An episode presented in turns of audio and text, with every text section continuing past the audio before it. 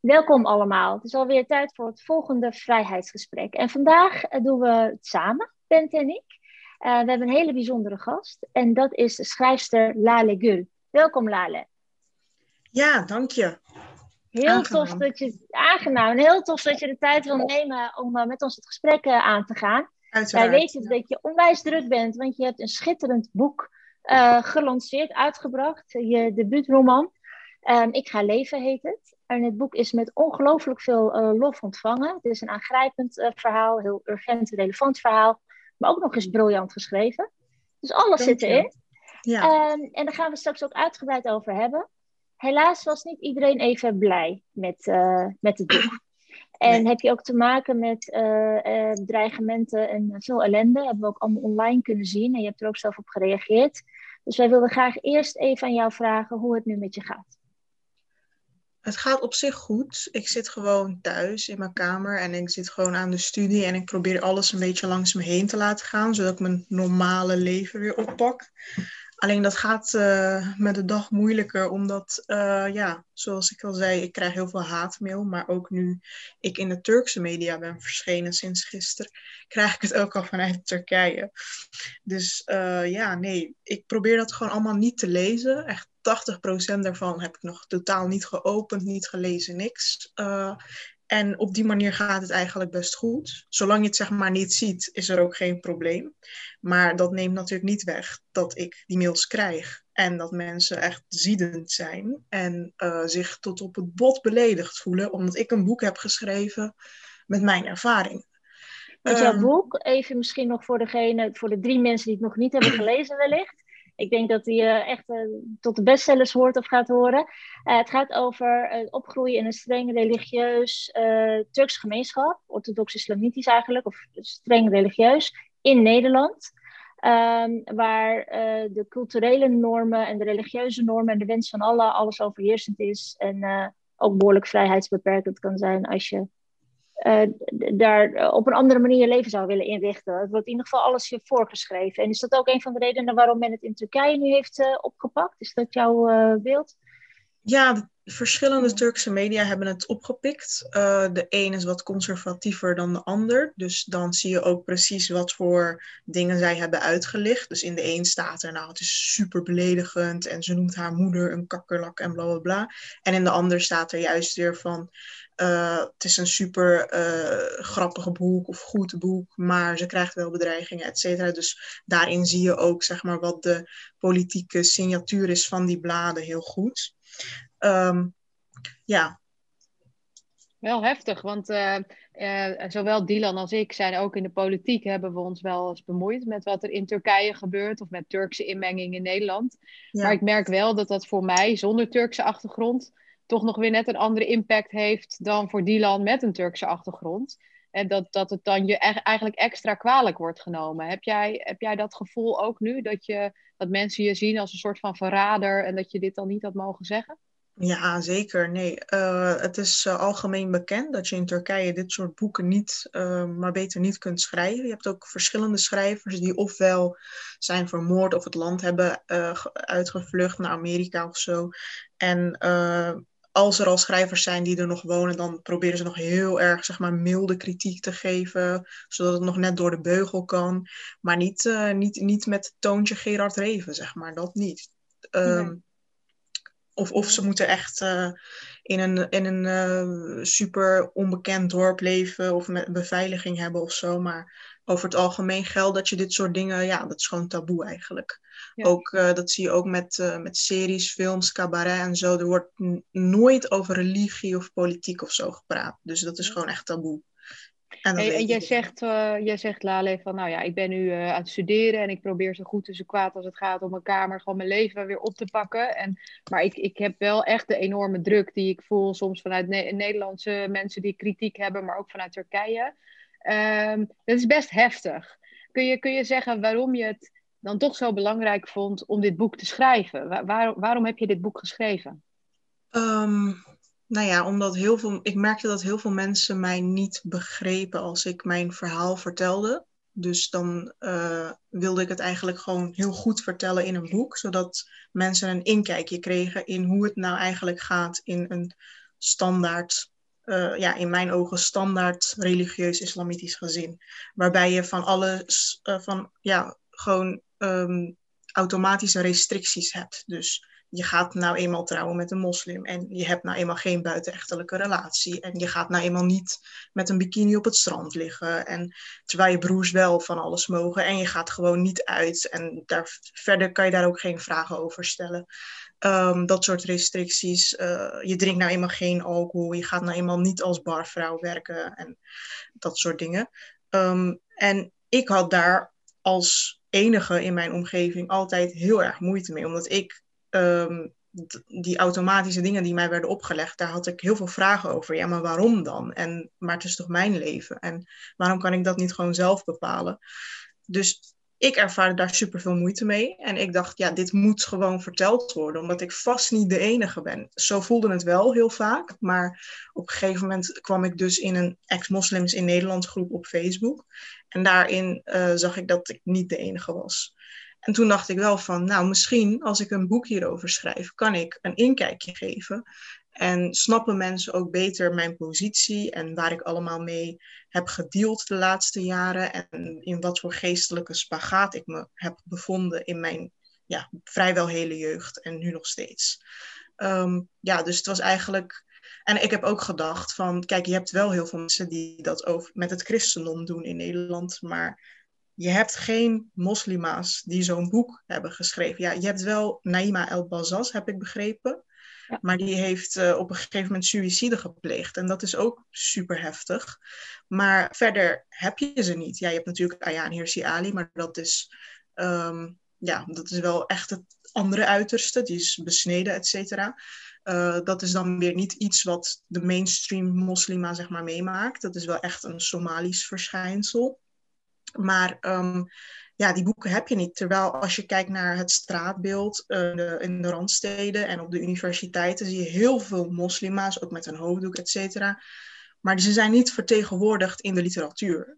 En um, ik wil niet zeggen dat ik de standaard moslima ver vertegenwoordig, maar wel de moslima die struggelt met die regels. En dat is weliswaar niet de regel, maar wel een uitzondering. Alhoewel, nu ik zoveel berichten krijg van mensen, betwijfel ik hoe groot die groep is. Eerst dacht ik echt dat dat een best wel een marginale groep was. Nu weet ik dat dat echt wel een grote groep is, maar dat iedereen het vooral stilhoudt en stilzwijgend uh, dingen stiekem probeert te doen of dingen probeert te combineren of dat ze wel weten dat het oneerlijk is. Ik krijg ook heel veel berichten waarvan, uh, waarbij mensen zeggen, kijk, ik wist mijn hele leven al van dit is eigenlijk oneerlijk en mannen mogen meer, maar ja, ik heb me er gewoon bij bij neergelegd. En ik ben maar gewoon getrouwd met iemand van mijn eigen afkomst. En die liefde heb ik gewoon gedag gezegd, et cetera. Dus je hebt gewoon heel veel mensen die het wel inzien, maar die toch um, ook inzien dat ze niet hun familie willen verliezen. En zich toch erbij neerleggen. En jij zegt eigenlijk van, nou ja, dit verhaal moest sowieso een keer verteld worden. Want je zag dat eigenlijk nog niet überhaupt in de literatuur. En iemand die dat zo zelf vanuit haar eigen ervaring vertelt. Maar is het dan ook dat je zegt, ik wil het taboe doorbreken hè, wil je er ook iets mee bereiken richting anderen? Heb je dat idee er ook bij gehad? Ja, zeker. Ik uh, merk nu dat ik echt duizenden berichten krijg van mensen die zeggen dankjewel. En ik dacht dat ik de enige was. En dankjewel dat Mooi. je dit hebt gedurfd. En toen ik drie, en ook berichten waar, die, van mensen die zeggen, ik ben nu 28 en toen ik 23 was had ik dit nooit gedurfd. En zelfs nu zou ik het denk ik niet durven, et cetera. En uh, ook gewoon echt met gestrekt been erin. En dit kennen we helemaal niet in onze traditie en cultuur en uh, jij doet het wel.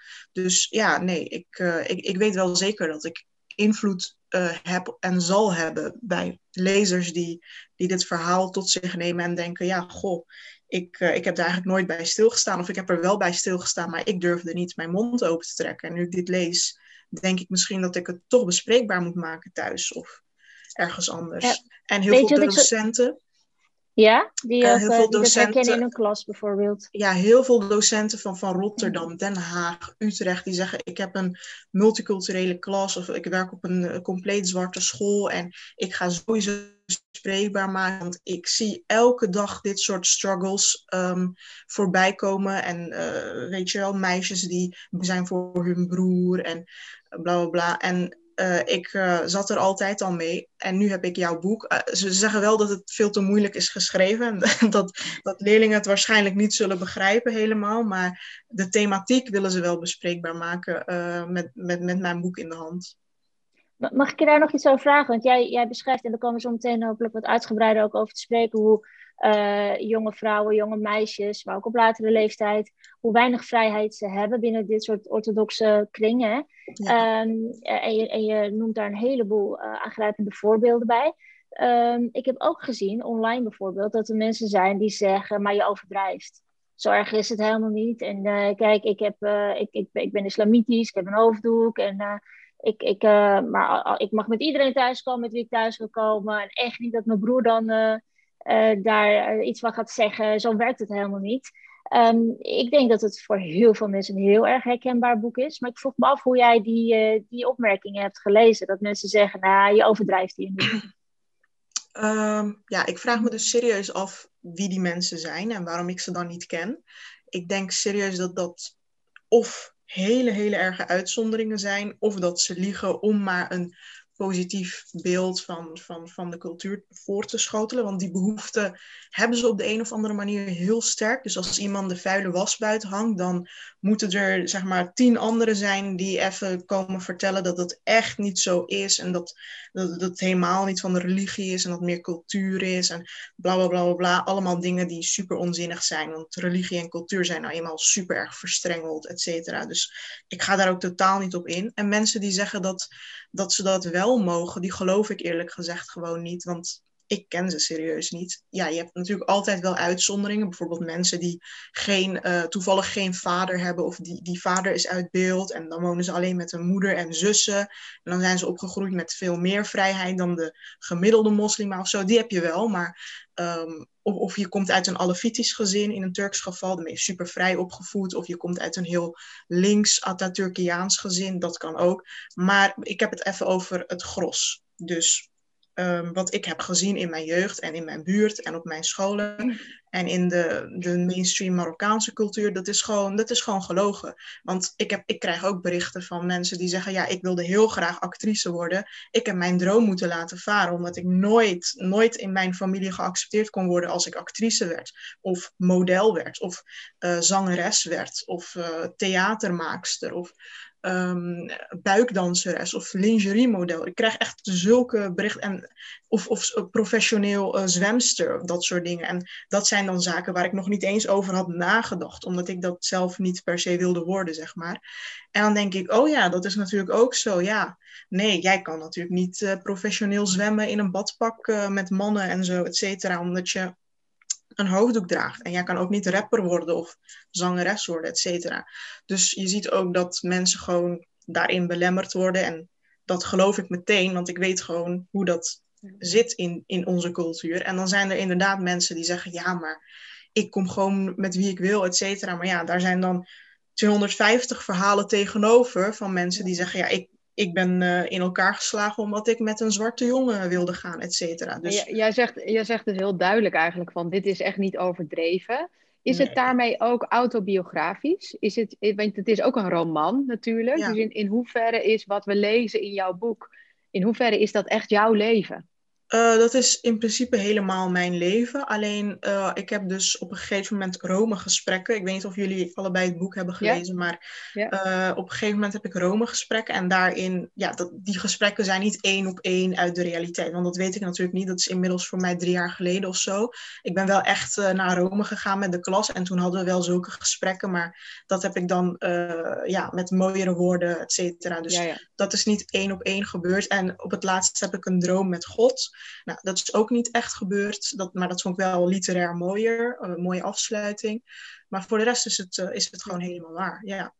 Want even over die Rome-gesprekken, hè? want in, jou, in jouw boek beschrijf je dan ook dat je eigenlijk niet mee mag op Rome-reis. Mm -hmm. uh, en dat uiteindelijk uh, ja, jouw familie overtuigd moet worden van het feit dat je mee mag, omdat je anders gewoon je punten niet kan halen en uiteindelijk geen examen kan doen. Hè? Dus dat ja. je dan toch mag je mee. En die reis die is voor jou heel bevrijdend. Want ja, weet je, je, je worstelt dus als tiener. Als ik mezelf even bedenk hoe ik tiener was, worstelde ik ook al met mezelf. Terwijl ik al dit soort keuzes niet hoefde te maken. Die jij, uh, die jij ja. ook nog uh, aan dilemma's had in twee werelden. Kun, kun je iets beschrijven van die tijd? Hè? Wat was je nou voor, voor, meisje? Hoe, hoe ging je om met verliefdheid? Kon je, kon je gewoon op school uh, zeg maar hetzelfde zijn als thuis? Kun, kun je onze, onze luisteraars daar iets over vertellen? Uh, ja, nee. Ik, um, ik, ja, als puber ben je natuurlijk heel erg bezig met wie ben ik en mijn uiterlijk en hey, ik krijg borsten, et cetera. Maar dat, was allemaal, dat, waren allemaal dingen die maar niet bespreekbaar mochten zijn thuis op de een of andere manier. Dus ik kon niet echt zeggen van, nou, ik uh, wil eigenlijk... Uh, um, mooie kleding aandoen of zo. dat was geen optie, want ik ging in het weekend naar de Koranschool en daar leerde je dat je gewoon ingetogen moet kleden en gewoon van die wijde kleding en je hoorde je vormen niet te zien, et cetera. Wat ik heel moeilijk vond, want ik vond dat super lelijk eigenlijk. En uh, ik zag allerlei andere meiden die wel gewoon spijkerbroeken en shirts, et cetera, konden dragen. Daarbij komt nog dat je een hoofddoek droeg inderdaad en uh, niet je wenkbrauwen mocht epileren. Dus dan had ik ook super lelijke wenkbrauwen waar ik super erg mee zat. En um, ja, geen make-up opdoen en stiekem mascara opdoen naar school. En dan weer voordat je thuis komt dat zitten wissen of zitten verwijderen. Het was gewoon constant kijken van wat kan ik wel, wat kan ik niet. En dan soms betrapt worden met lipstift. En dan was het zo van waarom draag jij lipstift? Dat is voor uh, dames van lichte zeden, et cetera. Dus het is constant met jezelf die struggle aangaan. En um, constant, ja, die strijd van wat wil ik en wat moet ik. En als ik me dan, als ik me dan gewoon uh, voorbeeldig gedroeg en kleden, dan was ik zelf niet gelukkig, omdat ik dacht, ja, maar zo wil ik helemaal niet eruit zien. En ik wil ook gewoon naar het schoolfeest of naar het kerstgala, want het lijkt me gewoon super leuk. En ik wil ook gewoon mee op schoolreisjes uh, en me gewoon kleden zoals ik wil. Dus dat was gewoon altijd uh, een dingetje, ja. Ja, en op een gegeven moment werd je ook verliefd? Ja. ja. En hoe ging dat? Nou, er was altijd wel een jongen in de klas of zo, ook op de basisschool, maar ook daarna, waarvan ik dacht van, oh, dat is wel leuk, maar dan, ja, dan, dan kennen het gevoel. Ja, dan sloot je dat gewoon, dan sloot je dat gewoon totaal uit. Want je wist gewoon van, nou, dat, dat zit er toch niet in. En ik, ben, ik zie er toch niet uit. En hij kijkt toch nooit naar mij. En kijk, moet je eens kijken hoe ik me kleed, et cetera. En er zijn veel leukere meiden. Dus dat was altijd gewoon iets wat ik moest opgeven. En dan, ja, dan was het er gewoon niet. Uh, en dat was jammer, maar ja, daar, daar legde ik me gewoon bij neer. Op een gegeven moment uh, word je, werd je inderdaad verliefd op een jongen die geen uh, moslim was. En dat was, ja, dat was een hel, want dan moest ik inderdaad jarenlang gewoon een dubbel leven leiden. Dus dan had je dan had ik bij hem thuis wat gevierd. Of er was uh, iets met de familie gebeurd. Wat, wat, dan ook. En dan had je heel veel verhalen die je eigenlijk thuis kon vertellen. Wat je normaal doet als je een vriend hebt of zo. Maar uh, ja, dat kon ik niet. Dus dan zat je aan tafel. En dan was het zo van, nou, hoe was werk vandaag? En dan had ik gewoon niks te vertellen. En dan, ja, nee, gewoon goed. En uh, ja, nee, hard gewerkt vandaag. Terwijl ik gewoon niet eens op mijn werk was, et cetera. Dus constant die, die schizofrenie eigenlijk. Uh, ja, dat je gewoon dubbele persoonlijkheden erop nahield. Dus uh, buiten was je iemand anders die gewoon grapjes maakte over van alles. En uh, ook vuile grapjes en mondig en vocaal. En thuis was je gewoon ingetogen en je gaf je mening maar niet. En um, ja, je was gewoon een braaf meisje. En je vertelde niks over gevoelens of jongens of uitgaan of dingen waar je naar, naar verlangde. Dat, dat was gewoon, ja, dat stond gewoon buiten kijf dat je dat gewoon niet deed. Want iedereen was zo. Ja. Is mag voor, ik, voor mij zo moeilijk voor te stellen. Ja, nou ja, eh, ja voor, voor mij ook. En tegelijkertijd, ik moet uh, denken aan uh, toen ik studeerde. Toen had ik uh, heel veel vriendinnen van Marokkaanse en Turkse komaf. Die allemaal dit verhaal hebben. Allemaal.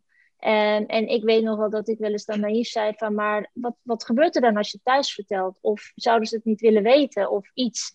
En uh, een van die vriendinnen zei op een gegeven moment: Maar ja, dan ga je ervan uit dat mijn ouders me echt willen leren kennen. Maar dat is gewoon andersom. Ik, dit is gewoon een plaatje waar ik aan moet voldoen en dat is wat het is. Er zit helemaal niet te wachten naar dit soort hè, persoonlijke ontwikkelingstochten en ontdekkingstochten van uh, wat voor mens word je nou? Nee, het is duidelijk wat voor mens ik moet gaan worden en dat is wat het is. Wat was er nou gebeurd, Lale, als uh, jouw ouders daarachter waren gekomen? Want je omschrijft dat je op een gegeven moment, uh, hè, dat er een klasgenootje die ook uh, zoenend tegenkomt en dat je bang bent dat dat uh, gaat rondzingen en dat hij dat nou ja, gelukkig dan niet deelt, dat dat wel geheim blijft. Wat was er gebeurd als dat uit was gekomen? Dat jij een, in dit geval Nederlands niet gelovig, niet moslim vriendje had? Oeh, ja, dan, ehm, de rapen dan, dan denk ik dat ik wel uh, gelegd kreeg dat gewoon nooit meer ging doen. Geen contact meer, telefoon afgepakt, et cetera. En gewoon thuis een soort van huisarrest. Ehm, en dat alles gecontroleerd werd, inclusief gesprekken, telefoongesprekken, et cetera. Want ik weet nog van een klasgenoot dat het bij haar wel was gebeurd dat ze gepakt was. En toen kreeg ze zo'n Nokia, weet je wel, zonder internet, et cetera. Zodat ze alleen naar thuis kon bellen. En um, ja, verder kon ze gewoon niks. Werd ze altijd opgehaald, et cetera. Dus ik denk of dat, of dat je, als je, als je daarin volhardt, dat je, dat je, ja, dat je gewoon met de koffers op straat zit. Of dat je ja, misschien geprobeerd om je toch om snel uit te huwelijken aan iemand of zo. Maar als je dan toch nee zegt, dat ja, ik denk met de koffers op straat, ja. Ik, ja. Of, of gewoon alles eraan doen om jou tegen te houden. Ja, en, en hoe is het dan nu? Sorry, ga. Nee, ga je ja, ik ben dan zo benieuwd hoe het dan nu zeg maar is tussen jou en je ouders vanwege het feit dat je dit verhaal dan nu wel zo naar buiten hebt, hebt gebracht. Ja, dat ehm, is uh, heel lastig, want uh, ze weten eigenlijk niet, ja, ze zitten een beetje met de handen in het haar. Ze weten niet precies wat ze met mij aan moeten. Ik heb wel een broertje die dat mij gewoon uh, super erg steunt en achter me staat, et cetera. Um, bij mijn ouders, ja, mijn moeder is er super ziek van geworden. Dat is ze nog steeds. Mijn kleine zusje leidt daar ook onder. Die neemt het mij ook kwalijk dat ik dit naar buiten heb gebracht. En elk interview dat ik geef, dan wordt na natuurlijk voor hun naar Turks vertaald, aangedikt, doorgestuurd, et cetera. En ze hebben dus constant te maken met mensen die hen daarop aanspreken. Dus het is ook, zeg maar, ook een beetje hun schuld in plaats van alleen de mijne omdat het niet echt een individuele cultuur is. Um, ja, verder weten ze gewoon niet wat ze met mij aan moeten. Dus aan de ene kant willen ze mij wel verstoten, maar daar hebben ze niks aan. Want dan zeggen ze, ja, dan ga je al helemaal alles doen wat je wil. En dan hebben we al helemaal geen zicht meer op je. En dan word je al helemaal een hoer. Maar uh, aan de andere kant uh, ja, willen ze me ook beschermen voor de buitenwereld. Dus allemaal gekken die rondlopen, die mij iets willen aandoen of die mij haten, et cetera. Dus dan hebben ze zoiets van, blijf nu nog maar even bij ons voordat je straks uh, ja, in elkaar geslagen wordt of erger. Um, dus zij weten ook niet echt wat ze met me aan moeten, maar ze zijn er wel gewoon helemaal... Ja, hun leven staat wel op, op, op zijn kop, zeg maar. En um, ja, ik denk dat ze gewoon het beste ervan proberen te maken, waarbij we allebei door één deur kunnen en dat ze, um, ja, ik weet het ook niet, maar dit is nu het geval. En dat ze gewoon uh, mij misschien kunnen accepteren uh, in deze staat, waarbij we gewoon een compromis maken van uh, dat ik gewoon geen Nederlands vriendje heb of wat dan ook. En gewoon niks meer schrijf en geen interviews meer geef. En dat zij daarmee kunnen leven of zo. Ja. Is dat, is dat iets wat je. Ben je op die manier er nu over nadenken van, nou ja, dat zijn zaken die ik dan bereid ben om in te leveren, om dat weer uh, soepel te krijgen? Of zeg je, ik ben, ik ben nu hier eenmaal mee begonnen, er is geen weg terug en uh, dit is nu de kant waar ik op ga? Um, ja, ik vind dat dus heel lastig. Ik zoek nog zelf ook een uitweg. Want ik, probeer wel, kijk, heel veel mensen zeggen van ja, maar waarom pak je niet gewoon je biezen en ga je gewoon op jezelf wonen? Ja, dan heb ik dus geen familie meer. En dat vind ik dus, en ik betwijfel of ik daar nou echt gelukkig van word. Want ik wil wel, het liefst wil ik gewoon dat ze mij kunnen tolereren zoals ik ben. En daar probeer ik nog elke dag voor te strijden. Maar soms lijkt het wel ook onmogelijk. Dus dan denk ik van ja, misschien is er ook gewoon geen middenweg waarbij we elkaar gewoon tolereren. Uh, ik krijg ook heel veel berichten van mensen die zeggen: Ja, ik heb het ook heel lang geprobeerd, maar uiteindelijk moest ik gewoon weg, want het lukte gewoon niet. Dus soms betwijfel ik ook of dit de juiste manier is, maar ik probeer gewoon heel erg te laten zien van wat jullie ook zeggen en doen. Ik ben hier, ik blijf en ik kies voor jullie. Dus misschien kiezen jullie dan ook op een dag voor mij en kunnen jullie dat tolereren. Um, maar inderdaad, ja, verder. Ik ben niet van plan om, om nog een boek hierover te schrijven of zo, dat niet. Uh, want ik, buiten mijn familie om heb ik ook gewoon gemerkt hoeveel dit losmaakt. En ik heb ook geen, geen zin in nog meer bedreiging of nog meer haatmail. Dus ik zou niet zo snel weer uh, hierover schrijven, zeg maar. Um, want ik, mag ik, want toen wij elkaar uh, voor dit gesprek spraken en ik vroeg jou, nou ja, had je dit allemaal kunnen bedenken en zoveel lof. Hè? Je hebt onwijs veel talent om te schrijven. Dus ik denk dat niemand eraan twijfelt of je een groot schrijver nu al bent, maar ook gaat worden. Want je bent echt piepjong. En als je dit kunt maken nu al, dan wat gaan we nog meer van jou verwachten? En dat kan natuurlijk over van alles gaan. Nou, dat vind ik heel erg gaaf. Dank je wel. nou, jij bedankt dus dat jij dat allemaal mhm. voor ons schrijft. en tegelijkertijd komt er zoveel op je af. Wat ik mij heel erg afvraag is, uh, heb je dit allemaal zien aankomen? Volgens mij is dit veel meer van beide kanten, van de lof en de ellende, dan misschien dat je van tevoren had bedacht. Hoe, hoe kan je dit ook zien aankomen? En waar haal je ook de kracht vandaan? Want nogmaals, je bent zo jong en dat je op deze leeftijd jezelf al zo goed kent, dat niet alleen ook nog eens heel goed kunt verwoorden, maar ook voor kunt blijven staan. Ik denk dat mensen op uh, veel oudere leeftijd, misschien nog ouder dan ik zelfs, daar uh, ook jaloers op kunnen zijn. Weet je? Hoe, hoe, waar haal jij die kracht vandaan? In zo'n omgeving waarin je zo wordt beperkt in je vrijheid, dat je zo bezig bent om zelf naar de biep, zelf leren nadenken, zelf dan dat verwoorden. Waar, waar zit die kracht? Dus eigenlijk heel veel vragen in één. Kies jij maar eentje. Mm, ja, dat vind ik een hele moeilijke vraag, want ik krijg die vraag vaker. Heel veel mensen die mij vragen, maar waarom jij en waarom niet veel anderen? En uh, hoe kom jij hier aan, aan die intelligentie of weet ik veel wat? En dan zeg ik ook van, kijk, ik, ik vind mijzelf niet echt super intelligent of zo. Je hebt heel veel mensen, uh, ook met hoofddoek, et cetera. En uh, mijn leeftijdsgenoten die bijvoorbeeld veel meer excelleren in wiskunde of geneeskunde of in een beta-studie of zo, wat ik niet kan. Dus ik vind ook dat de intelligentie is niet echt een eendimensionaal begrip. En die mensen, ook al doen ze bijvoorbeeld die studie, zijn ze niet echt vrijdenkers. Want uh, als het gaat om cartoons of zo, vinden zij wel van, oh nee, dat is gewoon belediging en dat moet verboden worden of zo.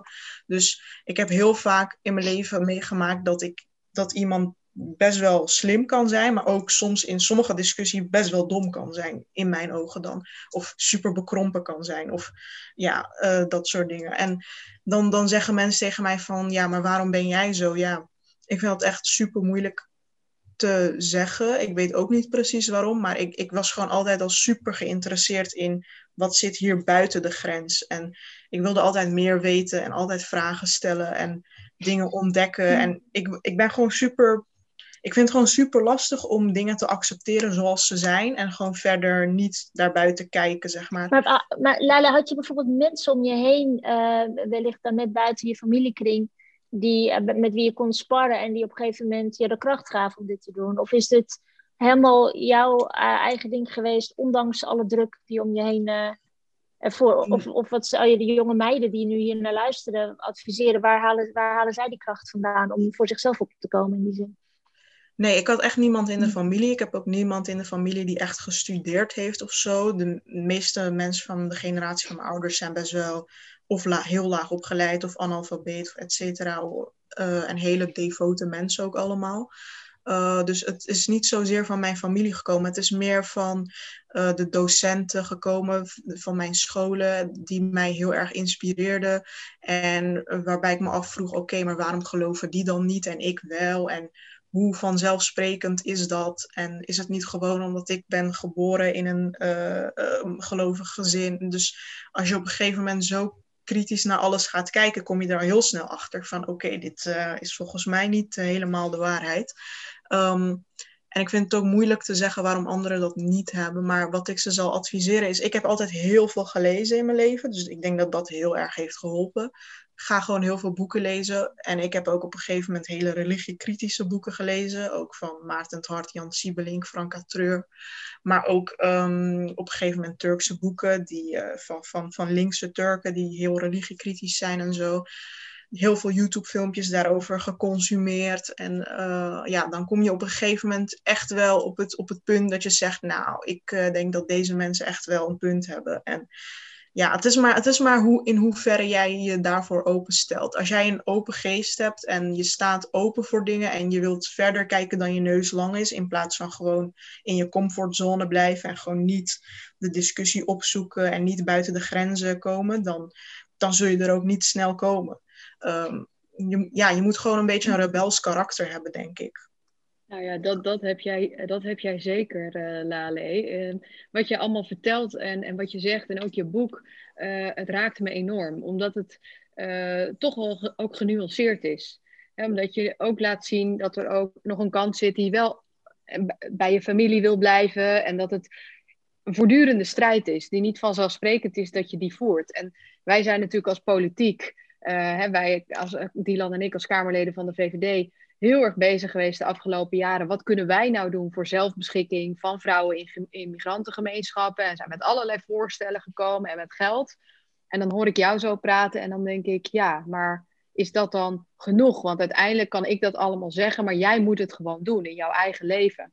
En, en dat brengt mij tot de vraag, wat zou jij nou vinden dat de politiek, de overheid, wij voor meisjes zoals jij in jouw situatie nog zouden kunnen doen om je te helpen en om je het gevoel te geven dat, dat we je helpen om vrij te kunnen zijn? Uh, ik denk dat dat tweeledig is. Aan de ene kant heb je preventie. Dus dan uh, zou ik zeggen die buitenlandse financiering van oliesheiks, et cetera, in bepaalde stichtingen en zo. Want nu is, heeft het salafisme een hele grote invloed in dit land, wat gewoon super jammer is. Um, ja, ik zou zeggen, ga daar eens kritisch naar kijken. Probeer dat te beperken of te stoppen. Probeer die lange arm uit Turkije te stoppen. Wat ik geen lange arm vind, maar een vrijwillige prothese, dat zeg ik altijd. Um, even kijken. Ja, probeer, probeer die uh, lessen in het Nederlands te laten, te laten zijn, om, zodat je daar een mening over kunt vormen, zodat de buitenwereld ook kan kijken van hé, hey, wat staat er in die boeken, wat wordt daar geleerd. Want dan kunnen mensen daar ook over praten, weet je wel, dat de vrouw een corrigerende tik moet krijgen, dat homo's uh, ziek zijn, et cetera. Want dat, dat als dat soort dingen, uh, zeg maar, van, van kinds af aan met de paplepel ingegoten worden, dan is het ook super moeilijk om dat op latere leeftijd misschien eruit te krijgen. Ja, ik weet niet, dat, dat zal dus preventief ook een beetje um, beperkt moeten worden. Dus niet, vooral ook niet subsidiëren, want die dingen worden wel gewoon door de overheid met belastinggeld ook betaald voor een deel. Um, en als je die mensen dat zelf allemaal laat betalen, dan zul je al zien dat ze kleiner van schaal worden. Um, van, van, uh, op dit punt wat de politiek kan doen. Nou, ik vind bijvoorbeeld die bedreiging en die haatmail vind ik gewoon super ergerlijk. En ik vind ook niet dat een schrijver of wat dan ook, iemand die eh, haar mening uit, et cetera, hiermee te maken moet hebben. En dat mensen zonder consequenties, dat is nog het belachelijke hieraan.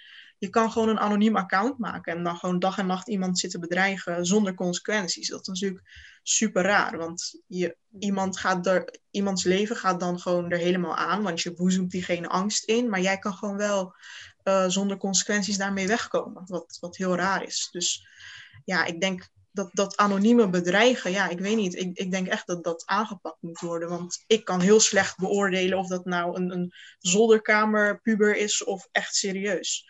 Um, maar ja, ik snap ook dat bijvoorbeeld de politie dat niet, lang niet bij iedereen zo serieus kan aanpakken. Wegens tekort aan mankracht of zo. Maar ja, ik, Um, ja, kijk, de eerste keer dat ik naar de politie ging hierom, zeiden ze ook van, kijk, het, moet ten eerste geen cryptische bedreiging zijn. Dus als er staat, ik kan niet wachten om jou op straat tegen te komen, geldt het al niet als bedreiging. Dus er moet echt staan van, ik ga jou dit aandoen, dan pas is het een bedreiging. Dus ik had ook het idee van, oké, okay, het wordt gewoon niet serieus genomen. En ze konden ook niks met anonieme accounts pas toen ik het dus op tv had gezegd en dat heel Twitter de politie van Amsterdam had aangevallen, werd ik opgebeld met: uh, Oké, we gaan er toch echt wel naar kijken en we gaan nu een mapje voor jou maken, et cetera. Dus ik denk, ja, wat als je geen publiciteit had, dan zou er waarschijnlijk niks gedaan worden, omdat het inderdaad anonieme accounts zijn en cryptische bedreigingen. Um, ja, dus ik denk dat dat een beetje aangepakt kan worden, zodat mensen wel gewoon kunnen zeggen en schrijven wat ze willen. Um, verder. Um, ja, ik krijg, um, ik krijg wel berichten ook van pubers die bijvoorbeeld wat minder, ja, wat, wat jonger zijn dan ik. En die uh, bijvoorbeeld ook uh, met fysiek geweld te maken hebben. En die zeggen van ja, ik kan wel uit huis gaan, maar dan heb ik op jonge leeftijd mijn familie niet meer. En dan moet ik, ja, waar moet ik heen? Moet ik naar de jeugdzorg of zo? Maar dat lijkt me super kut. En ze, ze weten niet echt waar ze naartoe moeten. Ja, dat vind ik ook heel lastig. Want op, op, als je 16, 17 bent, kun je niet echt een huis op jezelf uh, ja, financieren.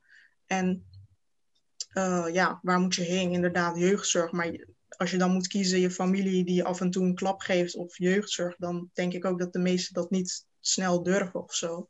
Ja, dat soort gevallen zijn ook heel lastig. Maar ja, ik vind het ook heel lastig om te bedenken, ja, wat kun je daaraan doen? Ik denk misschien een meldpunt of zo uh, voor dit soort gevallen. En dat ze dan uh, toch, ja, misschien uh, met lotgenoten kunnen praten of iemand die ze adviseert. Of, of in ieder geval psychische hulp aanbiedt. Of, um, ja, of, of iemand die thuis komt en met de ouders praat en dat soort dingen. Vooral iemand van de eigen afkomst misschien, die dat beter kan doen. Omdat daar toch wel automatisch meer respect voor is of zo. Want ik heb ook iemand van GroenLinks thuis gehad uh, vorige week. Dat, uh, dat was, ja, ik weet niet of ik haar naam mag noemen, maar Oké, die was dus thuisgekomen en toen hebben we drie uur lang gepraat met mijn ouders. En ja, dat, dat heeft op zich niks opgeleverd, want het was gewoon iedereen zat in de loopgraven en ik was zo van, ja, maar waarom mag ik dit niet? En zij waren zo van, ja, maar dan, dan word je al helemaal, dat mag gewoon niet van ons geloof, klaar, punt uit. Dus uiteindelijk kon ze ook niet echt helpen, maar ja, het was toch ergens uh, fijn voor mij om te laten zien van, hé, hey, kijk, zij is, staat ook achter mij en zij is ook van onze afkomst en uh, zij steunt mij ook. Dus misschien dat ze dan sneller aan zichzelf en aan hun eigen standpunten gaan twijfelen. Want we hebben natuurlijk wel een omgeving die alleen maar hun bevestigt in hun gelijk en mij als de, de black sheep zeg maar aanwijst. En dan komt er eens iemand thuis die komt vertellen van nee, zij is niet gek, jullie zijn degene die fout zitten. En kijk, als dat een Nederlands persoon is, dan hebben mijn ouders zoiets van, ja, maar dat, dat is nou eenmaal een Nederlands persoon en dat is nou eenmaal hun cultuur, dus die gaan we niet serieus nemen. Maar als het iemand is die in de eigen taal inderdaad praat en uitlegt van, hé, uh, hey, maar wat jullie doen kan gewoon echt niet. En uh, ik heb ditzelfde meegemaakt met mijn familie, et cetera. Dan zien ze het ook sneller in, denk ik. Dus ik denk dat dat heel erg kan helpen. Um, verder nee, verder denk ik niet dat, dat de politiek iets kan doen. Uiteindelijk moet je zelf maar gewoon kiezen of je of je, je familie wil opofferen of, uh, of je eigen vrijheid. Ik denk dat dat echt, ja, dat moet je maar zelf. Uh, het is ook voor een deel eigen verantwoordelijkheid. En ja, hoe moeilijk dat ook is, ja, een buitenstaander kan je daar niet in helpen in principe. Ja. ja weet je, je, je het is. Uh je geeft ons in ieder geval genoeg uh, huiswerk om wel ons deel te doen en te blijven doen ook op de portefeuilles, op de onderdelen waar Bente en ik afgelopen jaren zo mee bezig zijn geweest. Bente is echt uh, nou ja, bijna dagelijks bezig met het onderwerp hoe zorg je nou voor dat financiering uit onvrije landen verboden kan worden. Precies waar jij je verhaal mee begon. Je zegt, hè, daarmee komt gewoon gedachtegoed ons land in uh, en er worden kinderen mee geconfronteerd. En vervolgens leer je die weekendscholen dat uh, vrouwen niks voorstellen, dat homo's geen rechten hebben. Nou, dat is waar uh, Bente elke dag mee bezig is om uh, dat te stoppen. Dat, uh, dat dat soort geldstromen hier naartoe kunnen komen. Um, maar je zegt ook daarnaast, eh, dan, dan, dan schrijf ik een boek, dan leg ik het op tafel. En vervolgens word ik continu bedreigd door anonieme accounts. En het kan toch niet zo zijn dat schrijvers en dat mensen voor een vrijheid opkomen, dat die beperkt worden vervolgens. en, en, en geïntimideerd worden, terwijl degenen die dat doen ermee wegkomen. Dat is absoluut een van onze prioriteiten uh, op, op dat, online haat en uh, bewust intimideren van mensen, van journalisten, van schrijvers, ook van politici heel breed. Daar, daar zijn we heel druk aan het kijken wat kunnen we doen om te achterhalen wie die lui zijn. En ik ben heel blij dat de politie wel werk van heeft gemaakt. Ik zou ook willen dat ze het ook vaker en kunnen blijven. Dus nou, daarvoor moeten wij weer aan de slag om ook in de politie te investeren. En je, je andere punt, um, vanuit de gemeenschappen zelf zaken bespreekbaar maken en zeggen: hey, dit is onacceptabel. Ik weet dat dat bijvoorbeeld vanuit vluchtelingengemeenschappen heel erg wel gebeurt. Um, maar misschien dat dat een boost moet krijgen als het gaat over de gemeenschappen waar jij het nu even specifiek over hebt, de Turkse of de Marokkaanse gemeenschap in Nederland. Dus wij hebben onze, onze mm, huiswerken die je ons meegeeft, is uh, meer dan helder. En ik hoop ook dat je ons daarop scherp blijft houden en dat dit niet bij één gesprek blijft, maar dat we veel contact met elkaar hebben, zodat je ons ook op kunt blijven aansturen, bijsturen, aanscherpen, hoe je het wil. Um, wij kunnen nog heel lang ook doorpraten, maar Bente, als ik mag, zou ik eigenlijk richting een, een laatste vraag willen. En Laila, als jij dat oké vindt. Want wij zijn ook onwijs benieuwd, denk ik, ik denk dat ik ook over Bente spreek, wat jouw toekomstplannen zijn. ik hoop gewoon dat er heel veel boeken gaan komen. Maar wat zijn jouw, uh, ja toch? En wat zijn jouw uh, toekomstplannen? Wat, wat zijn jouw vervolgstappen? Je gaat je studie afronden, studie Nederlands, hè, als ik het goed heb. Ja. Um, en, en wat kunnen wij nog meer van jou verwachten? Oeh, dat is, uh, dat is een goeie. Um, nou ja, ik heb al een paar mails gehad. Op één, die wilt mij als uh, redacteur. Dus dat is echt een uh, groot compliment. Maar ik weet dus niet of ik dat per se wil. mijn uitgever zegt ook van nee joh, dat, dat is niks voor jou. Ga gewoon lekker schrijven. Um, en je, je, kan natuurlijk niet alles... Zeg als ik jouw uitgever was. Precies, en je kan, niet, je kan niet alles tegelijk doen, weet je wel. Je kan niet en studeren en redacteur zijn en een boek schrijven, et cetera. Dus op moment is het ook keuzes maken. Ik heb ook van een mailtje gezien van de Bali, van Yuri Al, volgens mij. Die wordt van baan aangeboden, zag ik. En ja, dat lijkt me ook superleuk, maar ik weet niet per se of dat mijn plek is, zeg maar. Ik ben ook politiek heel geïnteresseerd, dus wellicht dat ik me ook uh, aanmeld voor een politieke partij. ja, mailtje komt wel naar je toe. Eh, als iedereen, je toch met als iedereen je toch met een aanbod mailt, uh, ons mailtje komt dan ook wel hoor, kom maar bij ons. Maar goed, daar hebben we het later wel over. Dit was een politiek onafhankelijke uh, vrijheidsgesprek. Ga door. ja, nee, ik ben ook al volgens mij al twee jaar lid van de VVD, dus dat is, dat is helemaal nou. goed. Maar, dan, um, helemaal top. Ja, Wist ik niet eens. Wist jij dat, Bente? Nee, ik ook niet. Nee. Ja, nee, ik had... Um, ja, nee, ik, uh, ik ben zo ook mijn broertje is trouwens lid van de VVD. Maar nee, ik vind, uh, ik vind de VVD gewoon echt een superpartij. ik had wel op een gegeven moment meer FVD-sympathie, omdat ik ja, vooral in de tijd dat ze best wel groot waren en nog niet allemaal gekke dingen zeiden. Maar daar ben ik van teruggekomen, want dat, dat, zit er niet meer in. Maar um, nee, dat, ik weet niet. Ja, misschien een politieke carrière. Ik weet het niet. Maar in ieder geval um, gewoon mijn studie afmaken en kijken wat ik nog meer hierin kan betekenen. Maar Volgens mij kunnen we grootste dingen in ieder geval van jou verwachten. Ja. En is het wel... Maar ik vind het super knap dat je zo met beide benen op de grond blijft staan. Ja. Want je krijgt allerlei aanbiedingen, je hebt bedreigingen, je hebt net een boek ge ge gepubliceerd waar heel veel aandacht voor is. Je bent hartstikke jong je vertelt dit verhaal op een hele duidelijke, heldere manier. Uh, je denkt heel goed na over wat zou wel en wat zou niet bij me passen. Ik heb echt uh, grote bewondering voor. Ik weet niet uh, of ik dat op die leeftijd allemaal zo had gekund. Dus ik zou vooral ik niet zeggen, in ieder geval. Nee, hè? nee, ik ook niet. Nee, dan dacht je misschien nog van, oh, wat moet ik nou toch met die studie en dat soort vraagstukken. dus ik zou zeggen, joh, blijf lekker jezelf, laat je niet gek maken. En vertrouwen op je eigen kracht. Want dat heeft volgens mij ook dit prachtige boek uh, naar voren gebracht. En ik denk dat het heel goed zou zijn als zoveel mogelijk mensen dat lezen. En uh, er ook een eigen opdracht in zien hoe ze dat kunnen gebruiken om bij te dragen aan die vrijheid. Ik denk dat Dylan en ik allebei dat in ieder geval hieruit hebben gehaald. En dat we misschien in de toekomst nog wel eens wat uitgebreider weer met elkaar praten. Want dit was natuurlijk ja, heel kort eigenlijk. Graag. Zou je dat leuk vinden, Lale? Ja, nee, uiteraard. Maar ja, wat, wat de toekomst betreft, ik weet het serieus nog niet. Ik, ben nu, ik heb nu zoveel dingen aan mijn hoofd. En uh, ik denk ook gewoon van laat dit nou maar even. Um, ja, laat deze storm even liggen en dan zie ik het wel. Um, ja.